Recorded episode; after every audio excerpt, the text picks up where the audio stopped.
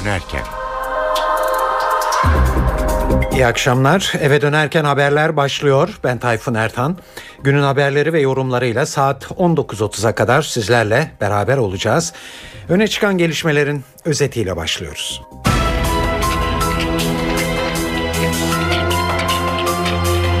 Ergenekon davasında sona bir adım daha yaklaşıldı. Savcı mütalasında Ergenekon diye bir örgütün var olduğu belirtildi. Eski Genelkurmay Başkanı İlker Başbuğ dahil 10 sanık için müebbet hapis istendi. Bunlar arasında Mustafa Balbay, Mehmet Haberal, Tunca Özkan, Hurşit Tolon gibi isimler var. Abdullah Öcalan'ın Perşembe günü Nevruz'da yapacağı açıklamanın genel hatları belli oldu. Öcalan tarihi nitelikte bir açıklama yapacağını belirtiyor. Bu açıklamanın PKK'nın Türkiye'den ayrılması ve kalıcı barışın sağlanması açısından doyurucu olacağını belirtiyor. Fener Rum Ortodoks Patriği bir ilke imza atarak Papa ile görüşecek. Katoliklerle Ortodokslar arasındaki büyük bölünmeden bu yana bin yıldan daha uzun süredir böyle bir karşılaşma yaşanmadı. Stockholm Uluslararası Barış Araştırma Enstitüsü dünyanın silah ticaretinin dökümünü açıkladı. Türkiye silah ithalatında bir basamak yükselerek 10. sıraya yükseldi. Ve Antalya'da kuaförler şaşkın. Fikir ve sanat eserleri kanununa göre lisans ücreti ödemeden müzik yayını yapan kuaförlere ceza kesildi.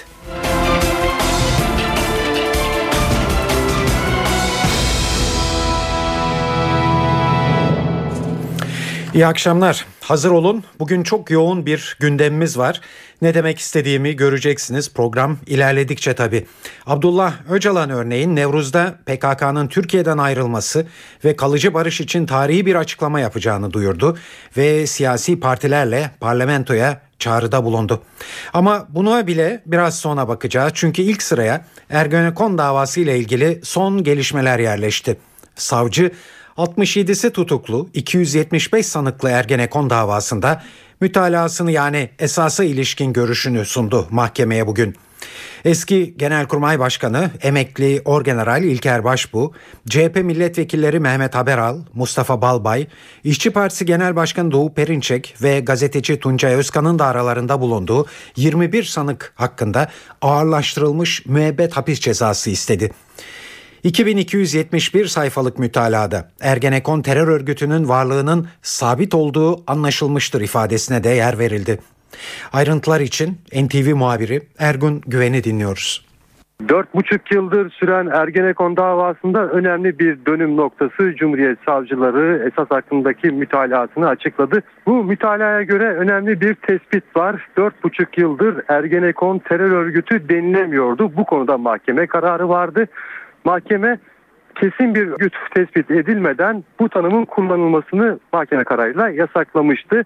Ama bugün Cumhuriyet Savcıları hakkındaki görüşünü açıklarken Ergenekon terör örgütünün varlığı kesin olarak tespit edilmiştir ifadesini kullandı. Davanın tutuklu sanıklarından e, eski Genelkurmay Başkanı emekli Orgeneral İlker Başbuğ'un da hukuki durumu önemli tespitler var. Ee, İlker Başbuğ davanın başladığında internet andıcı davası kapsamında yargılamaya başlandığında o davanın iddianamesinde Başbuğ örgüt yöneticisi, terör örgütü yöneticisi olmakla suçlanıyordu. Kendisinin en çok tepki gösterdiği konu da buydu zaten. Özellikle e, Şendin Sakık gizli tanık olarak buraya ifade vermeye geldiğinde bu ifadeyi kullanmıştı. Bir yanda terörist, diğer yanda ülke genel kurmay başkanı takdir yüce Türk milletinin diyerek eleştirisini dile getirmişti. Bugün örgüt yöneticiliğinden ceza verilmesine yer olmadığına dedi Cumhuriyet Savcısı. E, Yargıtay iştihatlerini gerekçe göstererek söyledi. Buranın altını önemli çizmek gerekiyor çünkü Cumhuriyet Savcısı Yargıtay iştihatlerine göre örgüt yöneticisi olmak suçundan ceza verilemeyeceğini belirtti. E, ve İlker Başbuğ'un Türkiye Cumhuriyeti hükümetini devirmeye teşebbüs suçlamasından ağırlaştırılmış müebbet hapis cezasına çarptırılmasını talep etti. E, mütalada diğer sanıklar hakkındaki hukuki, hukuki durumlar da ortaya koyuldu. Emekli Orgeneral Hurşit Tolon, e, gazeteci Tuncay Özkan, Danıştay saldırısının faili Alparslan Arslan, e, İnönü Üniversitesi'nin eski rektörü Profesör Fatih Hilmioğlu, eski YÖK Başkanı Kemal Gürüz, e, İşçi Partisi Genel Başkanı Doğu Perinçek, e, e, emekli Albay Atilla Uğur bu isimler e, müebbet hapis cezası talep edilen isimlerdi. Bunlar arasında Danıştay saldırısı faili Alparslan Arslan hem hükümeti devirmeye teşebbüs suçundan hem de kasten adam öldürmek suçundan 6 kez astırılmış müebbet hapis cezasına çarptırılması talep edildi ve tutuk milletvekilleri CHP'nin tutuklu milletvekilleri Mehmet Haberal ve Mustafa Balbay'ın da yine aynı gerekçeyle ağırlaştırılmış müebbet hapis cezasına çarptırılmaları talep çarptırılmaları talep edildi ve emekli Orgeneral Şener Eruygur'un da yine aynı suçlamadan müebbet hapis cezasına çarptırılması talep edildi. Tabi savcının e, bu e, taleplerine mahkeme için e, bir bağlayıcılığı yok. Bu nihai kararı cezalarla ilgili olarak mahkeme bağımsız değerlendirmesinden sonra kendisi verecek. Ancak savcıların değerlendirilmesi gelecek karar açısından son derece önemli bir e, aşama ve taban oluşturmakta. Mahkemedeki son durumu sıcağı sıcağına emekli başsavcı Reşat Pete'ye hukuki anlamda en önemli tespitin ne olduğunu sorduk. Tabii en önemli tespit e, bir defa Ergenekon terör örgütü e, adıyla e, bilinen bir e, iddianamede söz konusu olan bu örgütün varlığının sabit olduğu yönünde bir mütalaa vermiş oluyor Cumhuriyet Savcıları. Yani artık e, dosyadaki delil durumuna göre bir defa böyle bir örgüt vardır, silahlı bir terör örgütür dedikten sonra e, bu gerekçeyle de diğer e, taleplerini ortaya koydukları anlaşılıyor. Bu önemli bir e, aşama, önemli bir tespit olduğunu altını çizelim.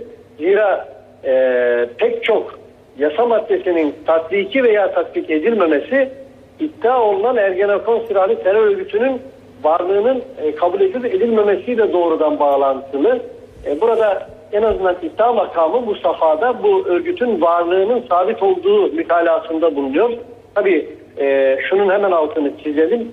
E, mahkeme e, mütalaa ile bağlı değil biliyorsunuz. Yani Tabii. mütaladaki taleplere e, uyabileceği gibi uymayabilir. Oradaki e, talep edilen e, yasa maddelerini tamamen veya kısmen uygulayabilir veya uygulamayabilir. Bu konuda mahkeme mütalaa ile bağlı değil. Ama e, savcıların incelediği dosya, ek klasörleri, delillerle mahkemenin bundan sonra inceleyeceği ve nihai hükmünü vereceği dosyalar ve deliller e, aynı olduğuna bakarsak e, tabii mütalaa son derece önemli bir yol haritasını yani karara gerekçe teşkil edecek ana şablonu da bir anlamda savcılar ortaya çıkarmış oluyorlar bu mütalada. Evet şimdi de Ergenekon davasında bugünkü savcı değerlendirmesinin siyasi anlamına da bakalım. Hürriyet gazetesi Ankara temsilcisi Metehan Demir Ankara'daki ilk tepkileri anlatıyor. Tabii bu mütalaa yani talep anlamında şu an karara bağlanan herhangi netleşen bir şey de yok ama tabii Türkiye'nin yürüyen şu an normal çözüm sürecinin psikolojisine de bakıldığında, terörle mücadelede Türk Silahlı Kuvvetleri'nin moraline bakıldığında yani başbuğuyla e, verilen istenen cezanın ağırlığını yan yana koyabilmek o kadar vicdan açısından kolay değil. Ya, tabii ki hep söylenen şeyi biz de söyleyeceğiz. Yargının kararına herkesin saygılı olması lazım. Ama e, Türkiye'nin hani genel yakın geçmişine bakıldığında da İlker Başbuğ'un müebbet hapis e, hak edebilecek kadar cezasında ne olduğunun da tabii çok çok iyi e, açıklanması, açıklanabilmesi ve bunun da toplum vicdanına sindirilmesi gerekiyor. E, şu an itibariyle sinmeyen bir durum var ki e, gerçek bir e, gerçekten ne oluyor diye sorgulanan bir şok yaşanıyor.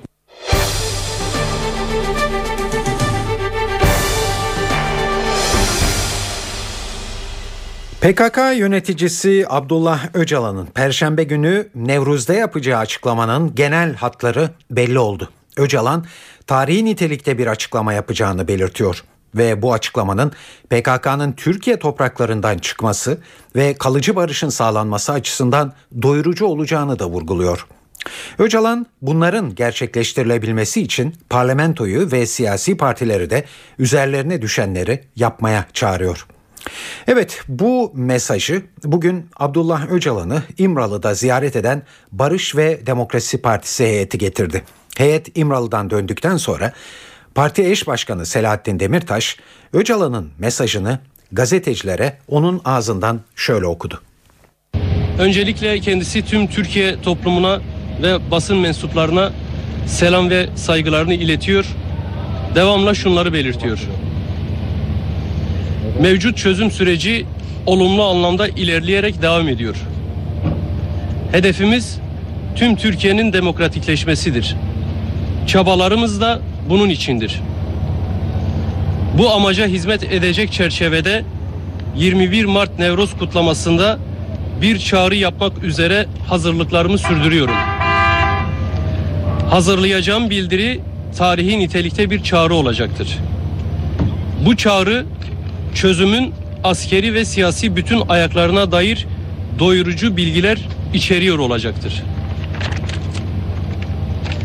Silah meselesini de hızla ve zaman kaybetmeden bir tek can dahi yitirilmeden çözmek istiyorum.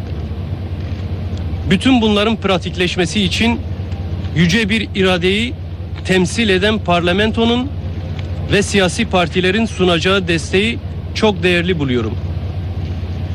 Geri çekilmenin hızla gerçekleşmesi ve barışın kalıcı hale gelmesi için ümit ediyorum ki parlamentoda aynı hızla üzerine düşen tarihi misyonun gereğini yapacaktır. Süreç ilerledikçe kamuoyunu kendi adıma daha detaylı bir şekilde bilgilendirebilmeyi umuyor. Herkese bir kez daha selam ve sevgilerimi iletiyorum. Evet, Perşembe günü Nevruz ve Öcalan'ın PKK'ya vereceği talimatların ne olduğu tüm ayrıntılarıyla o gün anlaşılacak. Ankara'da bu aşamada beklenen kalıcı bir eylemsizliğin ilan edilmesi ve PKK'nın Türkiye sınırlarının dışına çıkması şeklinde bir karar alınması. Ve o doğrultuda da zaten bir şeyler yapılacağı anlaşılıyor az önce e, e, Öcalan'ın yaptığı bu açıklamadan. Yine de bu beklentileri en yetkili ağızlardan biri Adalet Bakanı Sadullah Ergin Kanal Türk'te anlattı. PKK'nın yıl sonuna kadar sınır dışına çekilmesini beklediklerini söyledi. Ergin süreç kapsamında parlamentonun önüne bazı yasal düzenlemeler gelebileceğine de işaret etti. Eylemsizlik artı çekilme beraberdir. Silahların susması ve bu silahlı unsurların Türkiye'yi terk etmesi vesaire bütün bu aşamalarla ilgili bir lider yasal tabii. düzenlemeye ihtiyaç olursa elbette ki buna ilişkin parlamentoya gelinir. Burada önemli olan şey şudur. Bir, silahın susması. İki, silahlı unsurların Türkiye'yi terk etmesi. Üç, bu coğrafyada şiddetin yeniden yeşermemesi için tedbirler alınması. Hafta sonunda PKK'nın 16 Haziran'a kadar sınır dışına çıkacağı şeklinde anlamsız söylentiler dolaşmıştı. Bu söylentilere BDP eş genel başkanı Sabah Selahattin Demirtaş tepki göstermişti ve koşarak mı çıkacaklar diye sormuştu alaycı bir şekilde. Adalet Bakanı Sadullah Ergün Demirtaş'a hak verdi ve önemli olan sürecin sağlıklı bir şekilde sona erdirilmesi dedi. Doğru Selahattin Bey'in söylediği imkanlar ölçüsünde e, bu bir e, süreçtir.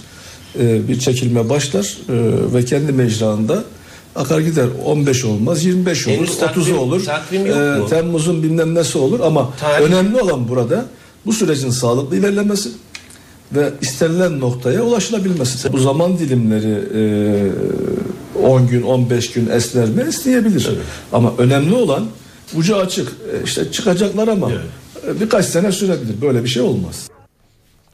Evet bu yıl başında başlayan İmralı görüşmeleri süreci bir ara duraklar gibi görünse de şu son iki haftadır iyice hızlanmış durumda. Öyle ki artık PKK'nın Türkiye sınırlarının dışına çekilmeye başlayacağından bir kesinlik gibi söz etmekteyiz. Bir de bu süreçle ilgili olarak parlamentonun devreye sokulması gerekebileceğinden de söz ediyor Adalet Bakanı'nın kendisi. Milliyet Gazetesi Ankara temsilcisi Fikret Bila, Ankara'daki beklentileri ve bundan sonra atılmak zorunda olunacak adımları şöyle yorumluyor. İki temel mesaj e, beklentisi var. Birincisi çatışmasızlık çağrısı. Yani e, BDP'lilerin diliyle e, iki taraflı karşılıklı ateşkes çağrısı ve e, yurt içindeki PKK'lıların yurt dışına çıkması çağrısı veya talimatı diyebiliriz. Ee, öncelikle beklenen iki mesaj bunlar. Anlıyoruz ki e, belirlenen takvim 2013 sonuna kadar bu çekilmenin gerçekleştirilmesi. Şimdi orada önemli bir konu şu. E, Öcalan'ın daha önce yansıyan görüşlerinde bu çekilmenin bir komisyon eşliğinde veya gözetiminde yapılması gibi bir düşüncesi olduğu anlaşılmıştı. İkinci bir düşüncesi de çekilme kararının Türkiye Büyük Millet Meclisi kararı şeklinde uygulanması gibi bir düşüncesi vardı. Ee, tabii meclis kararı düşüncesi çok gerçekçi gözükmüyor. Meclisin böyle bir karar alması e, çok zor. E, en azından böyle bir örnek de yok. E, tabii komisyon gözetimi de tartışmalı bu konu. Bu komisyon nasıl oluşturulacak? Neyi gözetleyecek?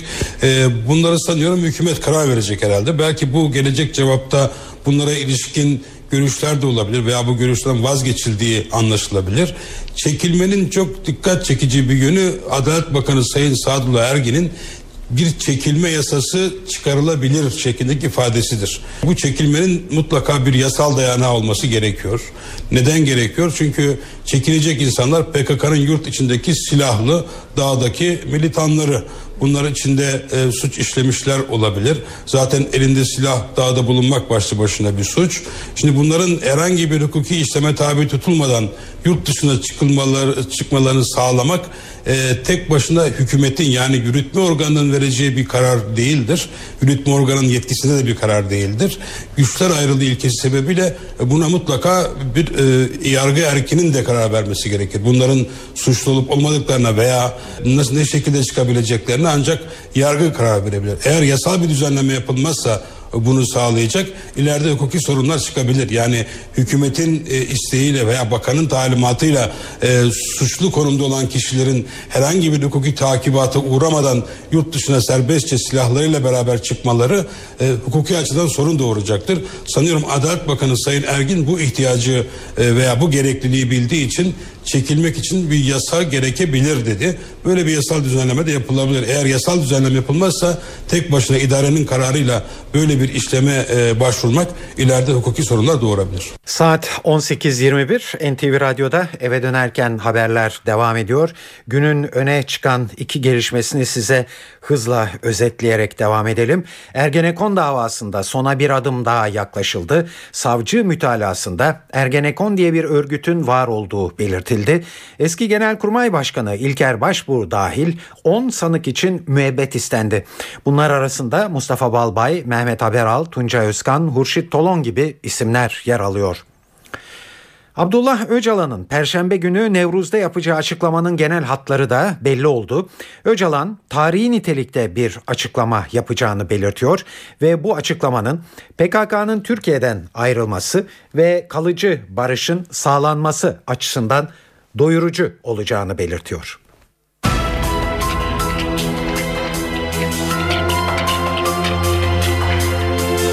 Şimdi günün diğer gelişmeleriyle devam ediyoruz.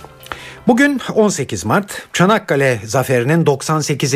yıl dönümü. Törenlere katılan Başbakan Recep Tayyip Erdoğan, Çanakkale Zaferi'nin bir etnik kökenin ya da ırkın zaferi olmadığını vurguladı.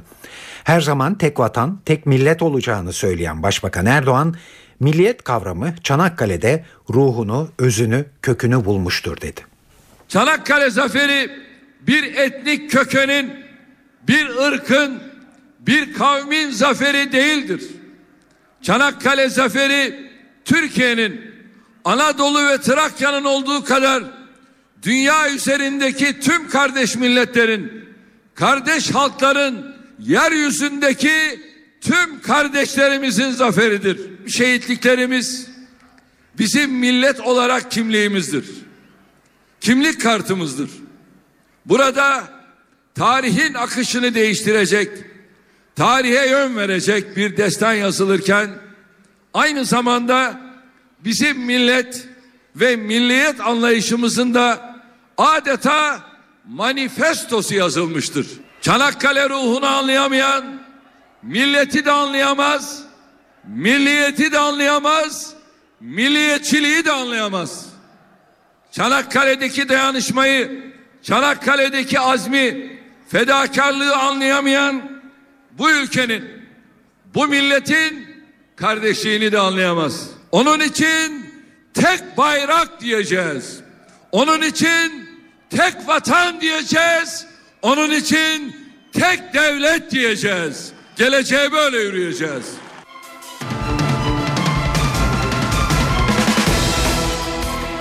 Memur Sen kamu kurumlarında türban yasağının kaldırılması için sivil itaatsizlik eylemi başlattı. Eyleme katılan sendika üyeleri bugün çalıştıkları kurumlara serbest kıyafetle gitti. Memur Sen'den yapılan açıklamada eylemin kamu görevlilerinin kılık kıyafet özgürlüğünü teminat altına alan yasal düzenleme yapılıncaya kadar devam edeceği bildirildi. Eylemle kamuda kılık kıyafet serbestisi yönetmeliğinin değiştirilmesi hedef alınıyor. Bu kapsamda başörtüsü ve sakal yasağıyla kravat zorunluluğunda kaldırılması talep ediliyor. Konuyla ilgili olarak toplanan 12 milyon 300 bin imza geçen hafta Çalışma ve Sosyal Güvenlik Bakanı Faruk Çelik'e teslim edilmişti.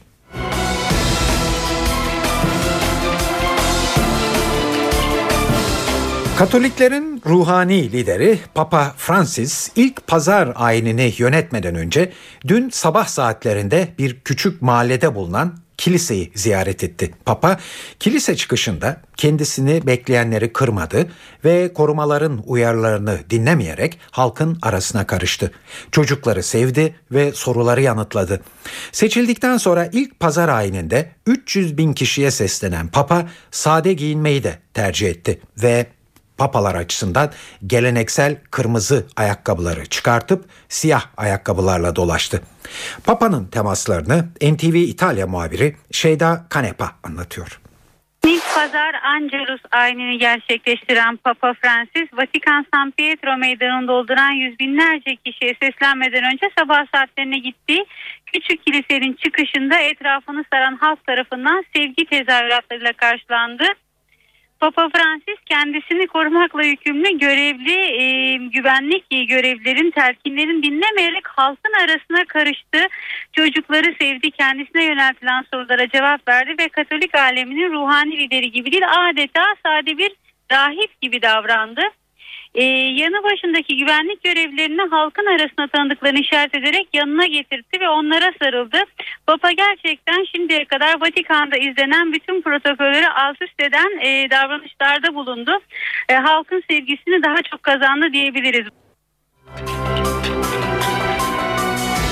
Papa Francis yarın Vatikan'da resmen Katolik Kilisesi'nin ruhani lideri olarak göreve başlayacak ve özel bir ayine katılacak.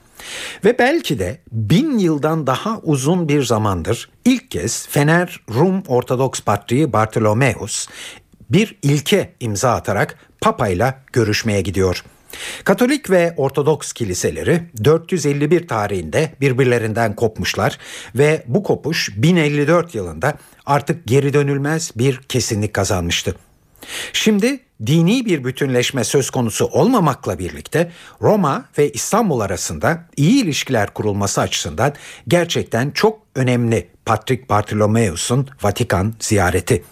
Patrik NTV muhabiri Can Ertuna'ya bu ziyaretinin nedenlerini anlattı. Yanılmıyorsam e, kiliselerimizin ayrılışından önce de bir papanın tahta geçme törenine bir İstanbul Patriği katılmadı. Yani e, 1054'ten önce de böyle bir durum olmadı. 1054'ten sonra da ilk defa oluyor. E, ben bu e, jestimle diyeyim e, iki kilisenin e, arasındaki dostane ilişkilere e, e, atfettiğim e, önem e, yer alıyor bu bu jestin altında. E, bu e, son senelerde gelişmekte olan ilişkilerimizin altını çizmek istiyorum ve yeni Papa e, döneminde bu dostane ilişkilerimizin daha da gelişmesinin e, arzuladığımızı ifade etmek istiyorum. Ümitliyiz bu konuda. İlişkiler gelişiyor, e, zaman değişiyor. Hep aynı izlerin üzerinde yürümek şart değil. Yani bu e, kolay e, izah edilen bir konu değil. Ben içimden geldi. Seve seve gitmek istedim. Duyduğuma göre bu kararımız İstanbul Patrikhanesi'nin kararı çok takdir edilmiştir Batı'da özellikle Roma'da e, bizi büyük bir e, sevinçle bekliyorlar. Bütün Ortodokslar adına ben hitap edeceğim Papa'ya.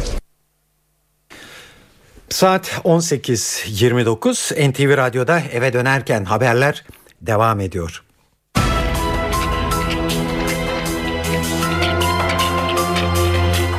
Öğrenci Seçme ve Yerleştirme Merkezi Başkanı Ali Demir bu yılki ÖSYM sınav sorularını ne kolay ne de çok zor her zamanki gibi diye tanımladı. Ali Demir öğrencilerin her zamanki ağırlıkta sorular beklemesi gerektiğini dile getirdi. Konuların hiçbiri müfredat dışı değil diyen Demir soruların TÜBİTAK tarafından hazırlanacağı iddialarını da yalanladı ve bu öğrenciler arasında bir şaka yorumunda bulundu.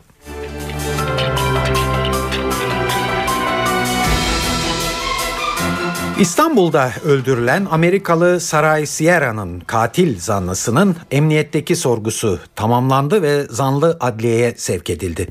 Laz Ziya lakabıyla tanınan katil zanlısı Ziya T'nin nasıl ve nerede yakalandığı konusunda farklı iddialar var. Ayrıntıları NTV muhabiri Özgür Yılmaz anlatıyor.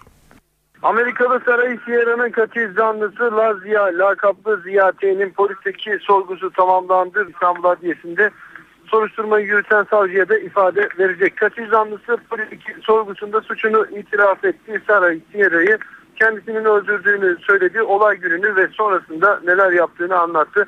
Olay günü Saray Sierra ile karşılaştıktan sonra aralarında kısa bir tartışma yaşandığını ve tartışmanın sonrasında arbede dönüştüğünü ardından yerden bir taş alarak Saray'ı Sierra'ya vurduğunu ve yere düşmesi sonucu Sierra'nın yere düşmesi sonucu kendisinin de korkarak korkarak olay yerinden kaçtığını uzaklaştığını söyledi. Evet katil zanlısı bir buçuk aydır aranıyordu. Ee, bir buçuk ay sonra Hatay'da yakalandı. İçişleri Bakanı Muammer Güler katil zanlısının Suriye'den e, Türkiye'ye giriş yapmak istediği sırada Hatay'da yakalandığını açıkladı cinayet niçin işlendi, bu cinayeti niçin işledi buna ilişkin e, pek de bir bilgi vermedi. Sadece e, çok e, sığ bilgiler verdi. Polise bizim edindiğimiz bilgiler de bu yönde. E, katil zanlısı Lazia lakaplı Ziya T'nin e, sokaklarda yaşadığını ve kağıt toplayıcısı olduğunu biliyoruz. Olay günü e, ve uçucu madde kullandığını biliyoruz. Olay günü yine uçucu madde kullandığını söyledi. Bu nedenle e, olay anını da hatırlamadığını ifade etti. Sadece e, Saray Sierra ile tartıştık, tartıştıktan sonra yerden bir taş alarak başına vurduğunu ve yere düşmesi sonucu e, kendisinin de kaçtığını ifade etti.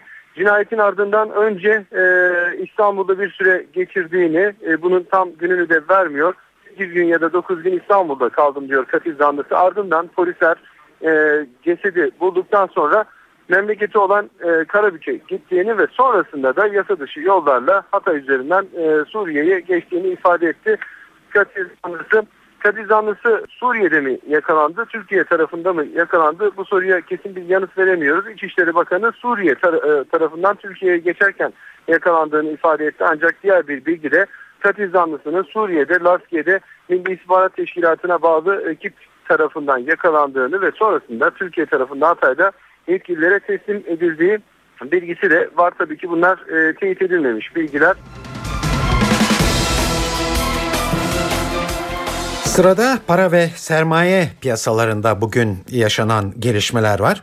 Ayrıntıları CNBC'den Enis Şener'den anlatıyor. İyi akşamlar. Küresel piyasaları Güney Kıbrıs korkusu sarmış durumda. Rum kesiminde bankaların batmanın işelmesiyle yönetim Avrupa Birliği'nden resmi olarak yardım başvurusunda bulundu ve karşısında acı bir reçete kondu. Henüz 3 haftadır görevde olan yeni Güney yönetimi mevduat sahiplerine %15'lere varan düzeyde tek seferlik vergi uygulayacaklarını açıkladı.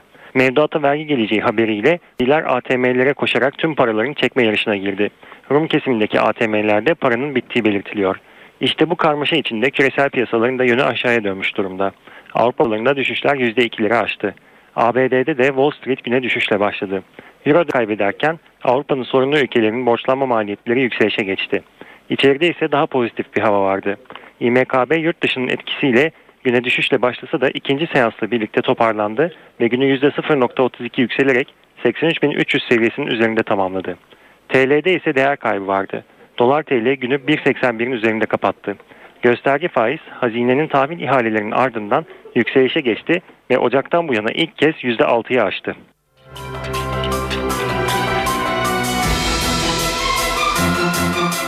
Evet piyasalardan hava durumuna geçelim. Ee, şimdi yurt genelinde hava tahminleri için daha doğrusu soğuk havanın ne kadar devam edip etmeyeceğini NTV Meteoroloji Editörü Dilek Çalışkan'dan öğrenelim.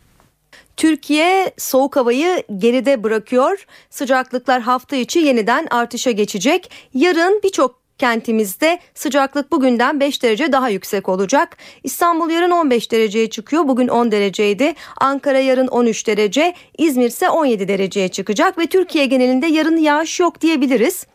Birçok bölgemizde güneşli, parçalı bulutlu bir hava olacak. Yani gökyüzünde e, beyaz bulutlar dolaşacak ama çok kapalı bir hava yok. E, İstanbul ve İzmir için şöyle bir e, durum söz konusu. Sıcaklık yükseliyor ama Lodos sert esecek. Hem İzmir'de hem İstanbul'da hızı 35 kilometreye kadar bulacağı için e, dışarıda yarın biraz üşütecek bir hava olacak. Çünkü bu lodos sıcak değil serin esen bir lodos olduğu için yarın dışarıda bizi biraz üşütecek. O yüzden yarın gribel enfeksiyon tehlikesi olduğunu belirtelim. Hani güneşe aldanmamak gerekiyor. Çanakkale ve Trakya'da ise Ayvalık boyunca lodos daha kuvvetli esecek. O bölgede deniz ulaşımında aksamalar yaşanabilir. Ama diğer kesimlerimizde rüzgar çok kuvvetli değil. Perşembe bu haftanın en sıcak günü olacak. Sıcaklıklar tekrar 20 dereceleri görecek. Yarın Antalya'da da sıcaklıklar yükseliyor. 17-18 derece. Karadeniz sahillerinde tekrar 15 dereceye doğru yükselecek sıcaklıklar. Hafta sonu için şimdiden plan yapmamanız konusunda uyaralım. Çünkü cuma günü tekrar soğuk hava ve kuvvetli yağmur gelebilir. Cumartesi hatta e, kar yağışları görebiliriz iç kesimlerde. Saat 18.43 NTV Radyo'da eve dönerken haberler günün öne çıkan gelişmelerinin özetiyle devam ediyor.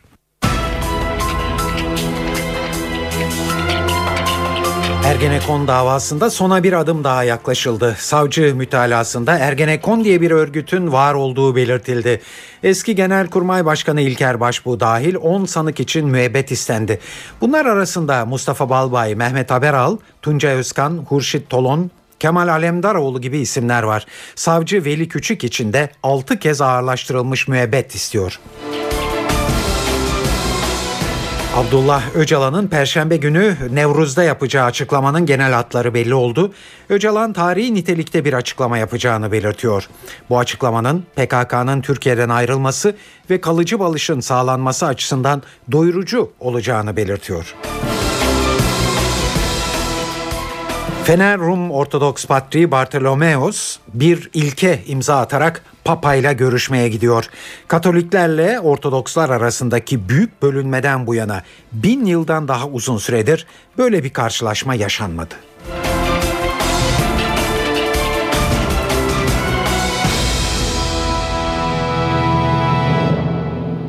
Saat 18.44 NTV Radyo'da eve dönerken haberlere Uluslararası dünyada en çok konuşulan haberlerle devam edeceğiz. Az önce e, borsa haberlerine e, girdiğimizde CNBC'den Enes Şener'den bize uluslararası piyasaların Kıbrıs Rum kesiminde yaşanan son krizden ve son gelişmelerinden e, duyduğu şoku yaşamakta olduğunu söylemişti. Peki ama ne oluyor Kıbrıs Rum kesiminde diyebilirsiniz. İşte bu konuda bir haberle başlıyoruz bu bölümümüze. Avrupa Birliği ekonomik krizdeki Güney Kıbrıs'a gereken yardımı yapabilmek için banka mevduatlarından vergi ve faizlerden stopaj alınması şartını getirdi. Uygulama başlamadan önce bu hafta sonunda paralarını vergisiz çekmek isteyenler bankamatiklere koştular ve bankamatikler önünde uzun kuyruklar oluşturdular. Vergi cenneti olarak görülen Güney Kıbrıs'ta Avrupa Birliği ile yapılan anlaşmayı parlamentonun da tabi onaylaması gerekiyor ve bu kritik oylama yarına ertelendi.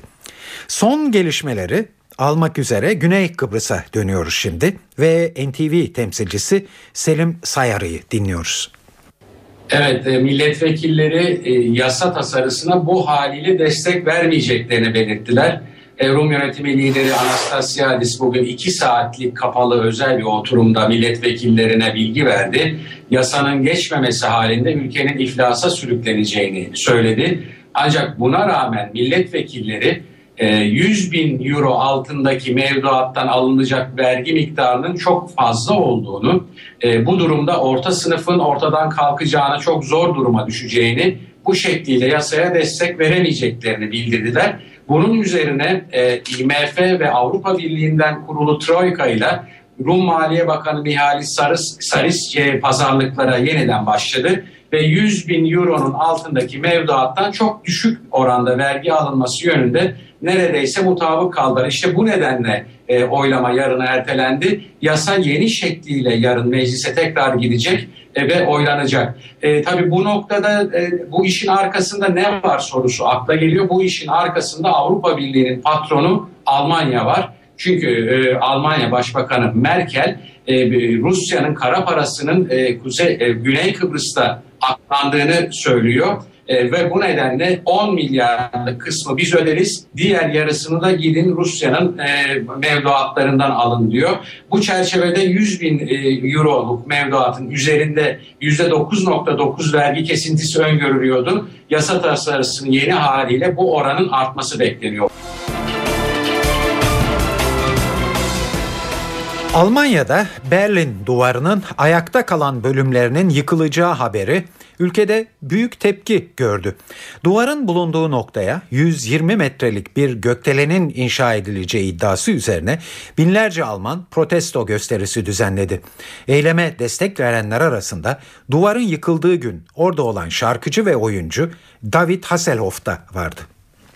I was honored in 1989 to sing o gün ben duvara çıkarak şarkı söyledim. Çocuklarım da buradaydı. İnsanlar hala o günü anlatıyor. Bu duvar ikiye bölünen bütün ailelerin anılarını taze tutmaya yarıyor. Berlinliler de Hasselhoff'la aynı görüşteler. Mittlerweile, naja, ist sie halt ein Symbol. Berlin duvarı bir sembol. Kentin imajı ve turizm için büyük bir önemi var. Berlin imajını böyle mi koruyacağız?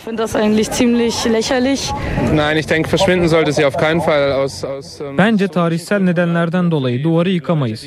Bir anıt olarak korunması gerekiyor. İkinci Dünya Savaşı sonrasında Doğu ve Batı Almanya'yı birbirinden ayıran ve e, utanç duvarı olarak da bilinen Berlin Duvarı 9 Kasım 1989 tarihinde yıkılmıştı.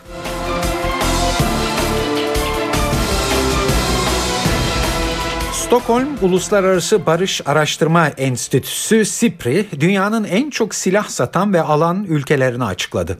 Yıllık raporda en çok dikkat çeken Çin'in Amerika, Rusya, Fransa ve Almanya'nın ardından silah ihracatında 5. sıraya yükselmesi oldu. En fazla silah ithalatı yapanlarsa Asya ülkeleri. Hindistan, Çin, Pakistan, Güney Kore ve Singapur en çok silah ithalatı yapan ülkeler sıralamasında yer alıyorlar. Türkiye ise bir basamak daha yükseldi silah ithalatında ve 10. sıraya yükseldi. Türkiye silah ihracatında ise listenin 25. basamağındaki yerini koruyor. Rapora göre Türkiye teknolojiye yatırım yaparak kendi silahlarını da üretmekte. Dikkat çeken bir diğer noktada başta Yunanistan olmak üzere ekonomik krizdeki Avrupa ülkelerinin savunma bütçelerini kısmış olması. Avrupa ülkelerinin silah alımları %20 oranında azalmış durumda görünüyor. Arap Baharı ile birlikte yaşanan yönetim karşıtı gösterilerse silah tüccarlarına yaramış görünüyor. Kuzey Afrika ve Orta Doğu ülkelerinin silah ithalatında artış gözlenmekte. İki yıldır örneğin çatışmaların yaşandığı Suriye, silah ithalatının %71'ini Rusya'dan karşılamakta. Körfez ülkeleri ise Amerikan silah endüstrisinin en iyi müşterileri arasında.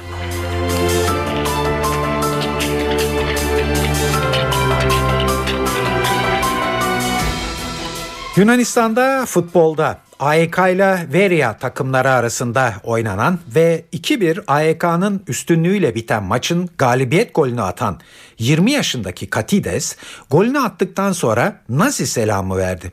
AK'li futbolcu Yaptığı hareketin anlamını bilmediğini söyledi ama kimseyi inandıramadı. Yunanistan'da aşırı sağcı Altın Şafak Partisi dışında tüm siyasi partiler bu futbolcuya çok sert tepki gösterdi. Peki sonunda ne mi oldu? Bunu NTV Atina temsilcisi Stelio Berberakis'ten öğreniyoruz. Gerçekten beklenmeyen bir olaydı. Zaten biliyorsunuz e, Yunanistan'ın üçüncü konumunda e, gelen Altın Şafak Partisi bu yükselişte olmasaydı herhalde bu da es geçmiş olacaktı bu olay. E, şöyle ki AYK'nın Veria adlı bir takımla maçı vardı ve son dakikada ikinci golü atıp galip gelince e, futbolcu yani Yorgos Kotidis 22 yaşındaki yıldızı AYK'nın e, tribünlere koşup o coşkulu taraftarların önünde bu e, Nazilerin e, selamlamasını yaptı ve olanlar oldu. E, hemen ardından e, AYK tarafından yani AYK kulübü tarafından e, hem takımdan çıkarıldı kaldı ki Yunan Futbol Federasyonu da e, çıkardığı bir açıklamayla e, Kotidis'in ömür boyu hiçbir milli takımda oynamamasına karar verdi. Yani bir ömür boyu bir yasaklama getirince e, dolayısıyla bu genç futbolcunun da e, futboldaki e, kariyeri e, böylece son bulmuş oldu.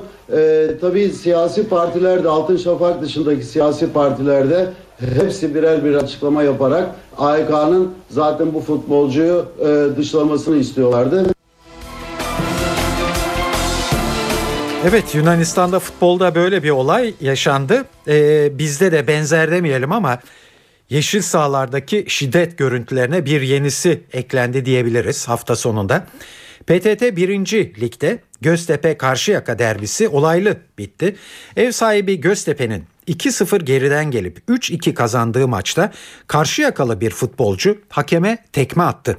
81. dakikada Karşıyaka'dan Şehmuz Özer gördüğü kırmızı kart sonrası hakem Hüseyin Sabancı'ya saldırdı.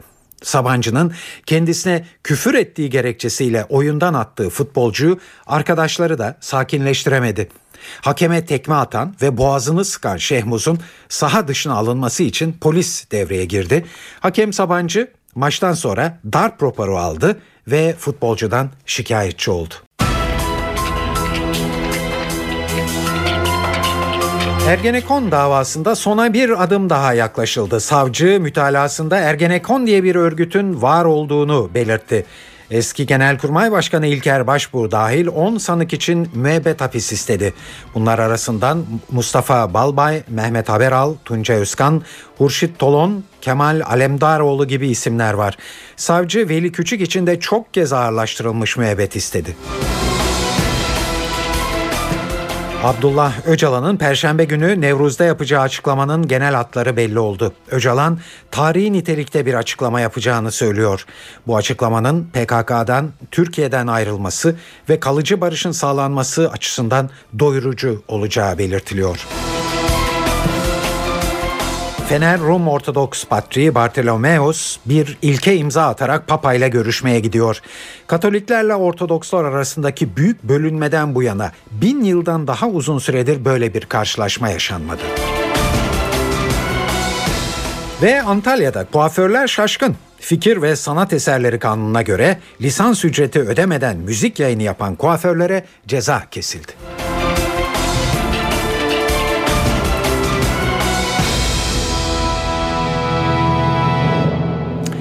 Evet Ergenekon davası ile ilgili son gelişmelerle başlıyoruz. Savcı 67'si tutuklu 275 sanıklı Ergenekon davasında e, mütalasını sundu mahkemeye.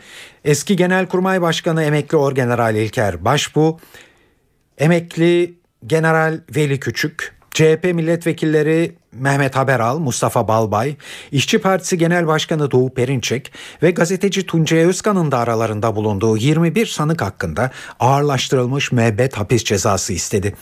2271 sayfalık değerlendirmede Ergenekon terör örgütünün varlığının sabit olduğu anlaşılmıştır ifadesine de yer verdi savcı. Ayrıntılar için NTV muhabiri Ergun Güven'i dinliyoruz. Dört buçuk yıldır süren Ergenekon davasında önemli bir dönüm noktası Cumhuriyet Savcıları esas hakkındaki mütalaasını açıkladı. Bu mütalaya göre önemli bir tespit var. Dört buçuk yıldır Ergenekon terör örgütü denilemiyordu. Bu konuda mahkeme kararı vardı. Mahkeme kesin bir örgüt tespit edilmeden bu tanımın kullanılmasını mahkeme kararıyla yasaklamıştı. Ama bugün Cumhuriyet Savcıları hakkındaki görüşünü açıklarken Ergenekon terör örgütünün varlığı kesin olarak tespit edilmiştir ifadesini kullandı. Davanın tutuklu sanıklarından e, eski Genelkurmay Başkanı emekli Orgeneral İlker Başbuğ'un da hukuki durumu önemli tespitler var. E, İlker Başbuğ davanın başladığında internet andıcı davası kapsamında yargılamaya başlandığında o davanın iddianamesinde Başbuğ örgüt yöneticisi, terör örgütü yöneticisi olmakla suçlanıyordu. Kendisinin en çok tepki gösterdiği konu da buydu zaten. Özellikle e, Şendin Sakık gizli tanık olarak buraya ifade vermeye geldiğinde bu ifadeyi kullanmıştı. Bir yanda terörist, diğer yanda ülke genelkurmay başkanı takdir yüce Türk milletinin diyerek eleştirisini dile getirmişti. Bugün örgüt yöneticiliğinden ceza verilmesine yer olmadığına dedi Cumhuriyet Savcısı. E, Yargıtay iştihatlerini gerekçe göstererek söyledi. Buranın altını önemli çizmek gerekiyor. Çünkü Cumhuriyet Savcısı Yargıtay iştihatlerine göre örgüt yöneticisi olmak suçundan ceza verilemeyeceğini belirtti. E, ve İlker Başbuğ'un Türkiye Cumhuriyeti hükümetini devirmeye teşebbüs suçlamasından ağırlaştırılmış müebbet hapis cezasına çarptırılmasını talep etti. E, mütalada diğer sanıklar hakkındaki hukuki, hukuki durumlar da ortaya koyuldu.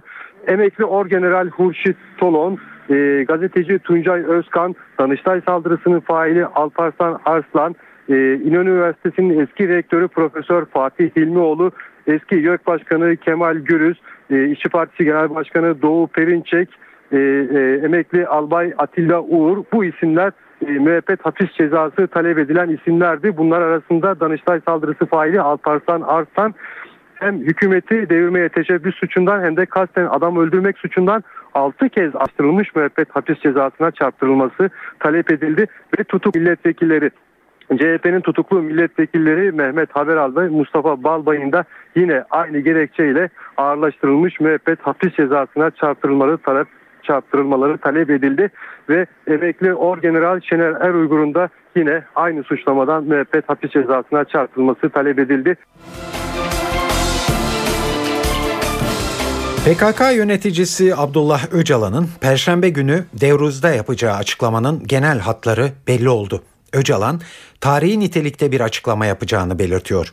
Bu açıklamanın PKK'nın Türkiye topraklarından çıkması ve kalıcı barışın sağlanması açısından doyurucu olacağını da belirtiyor. Öcalan bunların gerçekleştirilebilmesi için parlamentoyu ve siyasi partileri de üzerlerine düşenleri yapmaya çağırıyor. Evet bütün bu mesajları bugün Abdullah Öcalan'ı İmralı'da ziyaret eden Barış ve Demokrasi Partisi heyeti getirdi. Heyet İmralı'dan döndükten sonra BDP eş başkanı Selahattin Demirtaş Öcalan'ın mesajını gazetecilere onun ağzından duyurdu. Öncelikle kendisi tüm Türkiye toplumuna ve basın mensuplarına selam ve saygılarını iletiyor. Devamla şunları belirtiyor. Mevcut çözüm süreci olumlu anlamda ilerleyerek devam ediyor. Hedefimiz tüm Türkiye'nin demokratikleşmesidir. Çabalarımız da bunun içindir. Bu amaca hizmet edecek çerçevede 21 Mart Nevroz kutlamasında bir çağrı yapmak üzere hazırlıklarımı sürdürüyorum. Hazırlayacağım bildiri tarihi nitelikte bir çağrı olacaktır. Bu çağrı çözümün askeri ve siyasi bütün ayaklarına dair doyurucu bilgiler içeriyor olacaktır. Silah meselesini de hızla ve zaman kaybetmeden bir tek can dahi yitirilmeden çözmek istiyorum. Bütün bunların pratikleşmesi için yüce bir iradeyi temsil eden parlamentonun ve siyasi partilerin sunacağı desteği çok değerli buluyorum. Geri çekilmenin hızla gerçekleşmesi ve barışın kalıcı hale gelmesi için ümit ediyorum ki parlamentoda aynı hızla üzerine düşen tarihi misyonun gereğini yapacaktır. Süreç ilerledikçe kamuoyunu kendi adıma daha detaylı bir şekilde bilgilendirebilmeyi umuyor. Herkese bir kez daha selam ve sevgilerimi iletiyorum. Evet, Perşembe günü Nevruz ve Öcalan'ın PKK'ya vereceği talimatların ne olduğu tüm ayrıntılarıyla anlaşılacak. Ankara'da bu aşamada beklenen kalıcı bir eylemsizliğin ilan edilmesi ve PKK'nın Türkiye sınırlarının dışına çıkması kararı alınması. Bu beklentileri en yetkili ağızlardan biri Adalet Bakanı Sadullah Ergin Kanal Türkiye anlattı. PKK'nın yıl sonuna kadar sınır dışına çekilmesini beklediklerini söyledi. Ergin süreç kapsamında parlamentonun önüne bazı yasal düzenlemeler gelebileceğine de işaret etti. Eylemsizlik artı çekilme beraberdir. Silahların susması ve bu silahlı unsurların Türkiye'yi terk etmesi vesaire bütün bu aşamalarla ilgili bir lider yasal tabii. düzenlemeye ihtiyaç olursa elbette ki buna ilişkin parlamentoya gelinir. Burada önemli olan şey şudur. Bir, silahın susması. İki, silahlı unsurların Türkiye'yi terk etmesi. Üç, bu coğrafyada şiddetin yeniden yeşermemesi için tedbirler alınması. Evet hafta sonunda PKK'nın 16 Haziran'a kadar sınır dışına e, çıkacağı doğrultusunda bazı söylentiler dolaşmıştı. BDP eş genel başkanı Selahattin Demirtaş buna tepki göstermiş ve koşarak mı çıkacaklar diye sormuştu alaycı bir şekilde. Adalet Bakanı Sadullah Ergin Demirtaş'a hak verdi ve önemli olan sürecin sağlıklı bir şekilde sona erdirilmesi dedi. Doğru Selahattin Bey'in söylediği imkanlar ölçüsünde e, bu bir e, süreçtir. E, bir çekilme başlar e, ve kendi mecraında akar gider 15 olmaz 25 olur Henüz 30 olur e, Temmuz'un bilmem nesi olur ama Tarih. önemli olan burada bu sürecin sağlıklı ilerlemesi ve istenilen noktaya ulaşılabilmesi. Bu zaman dilimleri e, 10 gün 15 gün esner mi esneyebilir. Evet. Ama önemli olan ucu açık. E, işte çıkacaklar ama evet. birkaç sene sürebilir. Böyle bir şey olmaz. Saat 19.15 NTV Radyo'da eve dönerken haberler devam ediyor. Bugün 18 Mart Çanakkale Zaferi'nin 98. yıl dönümü. Törenlere Başbakan Recep Tayyip Erdoğan katıldı ve Çanakkale Zaferi'nin bir etnik kökenin ya da ırkın zaferi olmadığını söyledi. Çanakkale Zaferi bir etnik kökenin, bir ırkın bir kavmin zaferi değildir. Çanakkale zaferi Türkiye'nin Anadolu ve Trakya'nın olduğu kadar dünya üzerindeki tüm kardeş milletlerin, kardeş halkların yeryüzündeki tüm kardeşlerimizin zaferidir. Şehitliklerimiz bizim millet olarak kimliğimizdir. Kimlik kartımızdır. Burada tarihin akışını değiştirecek tarihe yön verecek bir destan yazılırken aynı zamanda bizim millet ve milliyet anlayışımızın da adeta manifestosu yazılmıştır. Çanakkale ruhunu anlayamayan milleti de anlayamaz, milliyeti de anlayamaz, milliyetçiliği de anlayamaz. Çanakkale'deki dayanışmayı, Çanakkale'deki azmi, fedakarlığı anlayamayan bu ülkenin, bu milletin kardeşliğini de anlayamaz. Onun için tek bayrak diyeceğiz. Onun için tek vatan diyeceğiz. Onun için tek devlet diyeceğiz. Geleceğe böyle yürüyeceğiz. Memur Sen kamu kurumlarında türban yasağının kaldırılması için sivil itaatsizlik eylemi başlattı. Eyleme katılan sendika üyeleri bugün çalıştıkları kamu kurumlarına serbest kıyafetle gitti. Memur Sen'den yapılan açıklamada eylemin kamu görevlilerinin kılık kıyafet özgürlüğünü teminat altına alan yasal düzenleme yapılıncaya kadar devam edeceği bildirildi. Eylemle kamuda kılık kıyafet serbestisi yönetmeliğinin değiştirilmesi hedefleniyor. Bu kapsamda başörtüsü ve sakal yasağıyla kravat zorunluluğunda kaldırılması talep ediliyor. Konuyla ilgili olarak toplanan 12 milyon 300 bin imza geçen hafta Çalışma ve Sosyal Güvenlik Bakanı Faruk Çelik'e teslim edilmişti.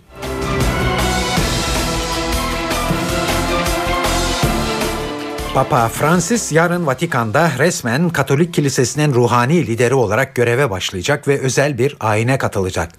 Ve belki de bin yıldan daha uzun bir zamandır ilk kez Fener Rum Ortodoks Patriği Bartolomeos da bir ilke imza atarak Papa ile görüşmeye gidecek. Katolik ve Ortodoks kiliseleri 451 tarihinde birbirlerinden kopmuşlar ve bu kopuş 1054 yılında artık geri dönülmez bir kesinlik kazanmıştı. Şimdi dini bir bütünleşme söz konusu olmamakla birlikte Roma ve İstanbul arasında iyi ilişkiler kurulması açısından gerçekten çok büyük önem veriliyor Patrick Bartolomeus'un Vatikan ziyaretine. Patrick NTV muhabiri Can Ertuna'ya bu ziyaretinin nedenlerini anlattı. Yanılmıyorsam e, kiliselerimizin ayrılışından önce de bir papanın tahta geçme törenine bir İstanbul Patriği katılmadı. Yani e, 1054'ten önce de böyle bir durum olmadı. 1054'ten sonra da ilk defa oluyor. E, ben bu e, jestimle diyeyim e, iki kilisenin e, arasındaki dostane ilişkilere e, e, atfettiğim e, önem e, yer alıyor bu bu jestin altında. E, bu e, son senelerde gelişmekte olan ilişkilerimizin altını çizmek istiyorum ve yeni Papa e, döneminde bu dostane ilişkilerimizin daha da gelişmesinin e, arzuladığımızı ifade etmek istiyorum.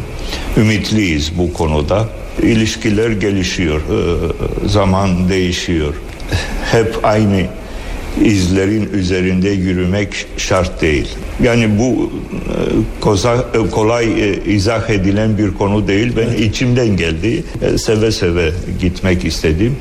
Duyduğuma göre bu kararımız İstanbul Patrikhanesi'nin kararı çok takdir edilmiştir Batı'da özellikle Roma'da bizi büyük bir sevinçle bekliyorlar. Bütün Ortodokslar adına ben hitap edeceğim Papa'ya. Antalya'da fikir ve sanat eserleri kanunu kapsamında denetimlerde bulunuldu ve lisans ücreti ödemeden müzik yayını yapan kuaförlere ceza kesildi. Denetimler yurt genelinde 3 milyon esnafı ilgilendiriyor. Denetimlerin kalabalık grup ve kameralar eşliğinde yapılması da tepki çekti. Kuaförler uygulama nedeniyle şaşırdılar. Bizler e, müzik yaparak para kazanmıyoruz. Biz sanatımız başka. Sanatı kuaförlüğü üzerinden para kazanıyoruz. Ben salonda çalışırken e, içeriye bir anda kameralı kişiler girdi. Sonra kim olduğunu sordum. MÜYAP'tan geldiğini söylediler. Müşteriler bu konuda acayip şekilde rahatsız oldu. Esnaf üzerinde psikolojik travma yaratmaya çalışıyorlar. Ee, e, bir terzi dükkanında radyonun çalması, çalması kadar, bir kuaför dükkanında, bir berber dükkanında ne bileyim televizyon çalması kadar, müzik kanalı açık olması kadar doğal bir şey var mı? Evet kuaförler bu nedenle şimdi eylem yapmaya hazırlanıyorlar ve denetimler yurt genelinde 3 milyon esnafı ilgilendirmekte.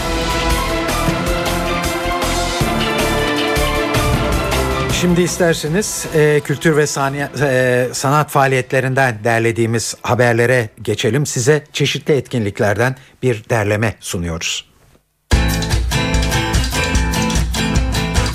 En iyi Beethoven'cılarından kabul edilen Paul Lewis, Berlin Oda Orkestrası eşliğinde bugün iş sanat sahnesinde konser saat 20'de. Kendi bestelerinin yanı sıra geçmişten günümüze kadar severek dinlenen şarkıları da ustaca yorumlayan Göksel, bugün Beşiktaş Kültür Merkezi'nde bir konser veriyor. Konser saat 21'de. Social Inclusion Band müzikseverleri bugün Babilon'a davet ediyor. Engelli ve dezavantajlı gençlerle usta müzisyenlerin buluştuğu konser saat 19'da. Kandemir Konduk'un yazdığı Bora Severcan'ın yönettiği İyi Aile Çocuğu adlı oyun bugün Duru Tiyatro Büyük Salon'da görülebilir. Oyun toplumun ön yargılar sonucu dışladığı iki anti kahraman Emel ve Rüya'nın başından geçenleri konu alıyor. Oyun saat 20.30'da başlayacak. Ve bir sergi önerisi. Hat sanatının ahşap üzerine işlendiği eserlerin görücüye çıktığı Hatta Ahşap sergisi Minyatürk'te açıldı. Hattat Salih Zeki Tekin'in 50 eserinin yer aldığı sergi 31 Mart'a kadar görülebilir. Ankara ile devam edelim kültür sanat etkinliklerinden önerilere. Sezen Aksu akustik konseriyle bugün Ankara'daki hayranlarının karşısına çıkıyor. Bu özel performansta Aksu'ya Fahir Atakoğlu ve Ara Dinkcihan eşlik ediyor. Kongrezyum Ankara'da gerçekleşecek konser saat 20.30'da başlayacak. Biraz ironik, biraz eğlenceli, biraz düşündürücü bir oyun var bugün Ankara Devlet Tiyatrosu Şinasi sahnesinde. Oyunun adı Sanat. Ünlü Fransız yazar Yasmina Reza'nın kaleme aldığı oyun arkadaşlık üzerine. Atilla Şendil'in yönettiği Bekir Aksoy, Hakan Gerçek ve Rüzgar Aksoy'un rol aldığı oyun saat 20'den itibaren sahnede. Akün sahnesinde ise Sumru Yavrucuğun yönetip oynadığı Kimsenin Ölmediği Bir Günün Ertesiydi adlı oyun izlenebilir. Oyun bugünün dünden farksız olduğu bir coğrafyada varoluşunun tehdit olarak algılandığı bir kadının etrafında dönüyor. Oyun saat 20.30'dan itibaren sahnede. Akşam evdeyseniz CNBC'de bugün Alison Eastwood'un yönetmenliğini üstlendiği Rails and Ties adlı film izlenebilir. Trajik bir olay ve beraberinde değişen hayatları konu olan film saat 22'de başlayacak. Öncesi saat 19'da The Closer, 20'de Two and a Half Men ve 21'de de Hell on Wheels adlı diziler ekranda olacak. E2'de saat 23'te Workaholics, Star'da da saat 20'den itibaren Survivor izlenebilir. Saat 23.30'da da Fırıldak ailesi başlayacak.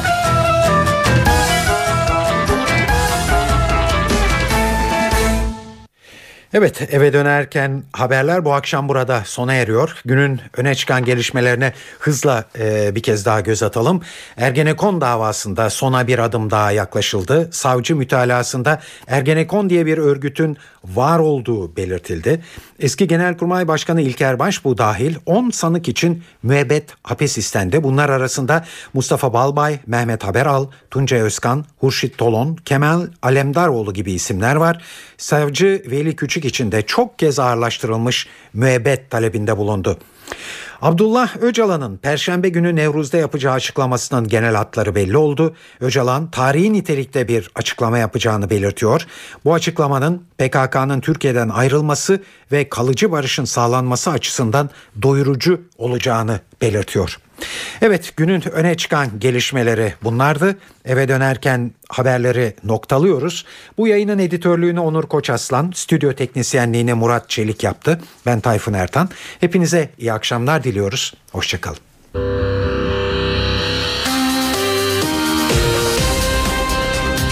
NTV Radyo, Türkiye'nin haber radyosu. Reklam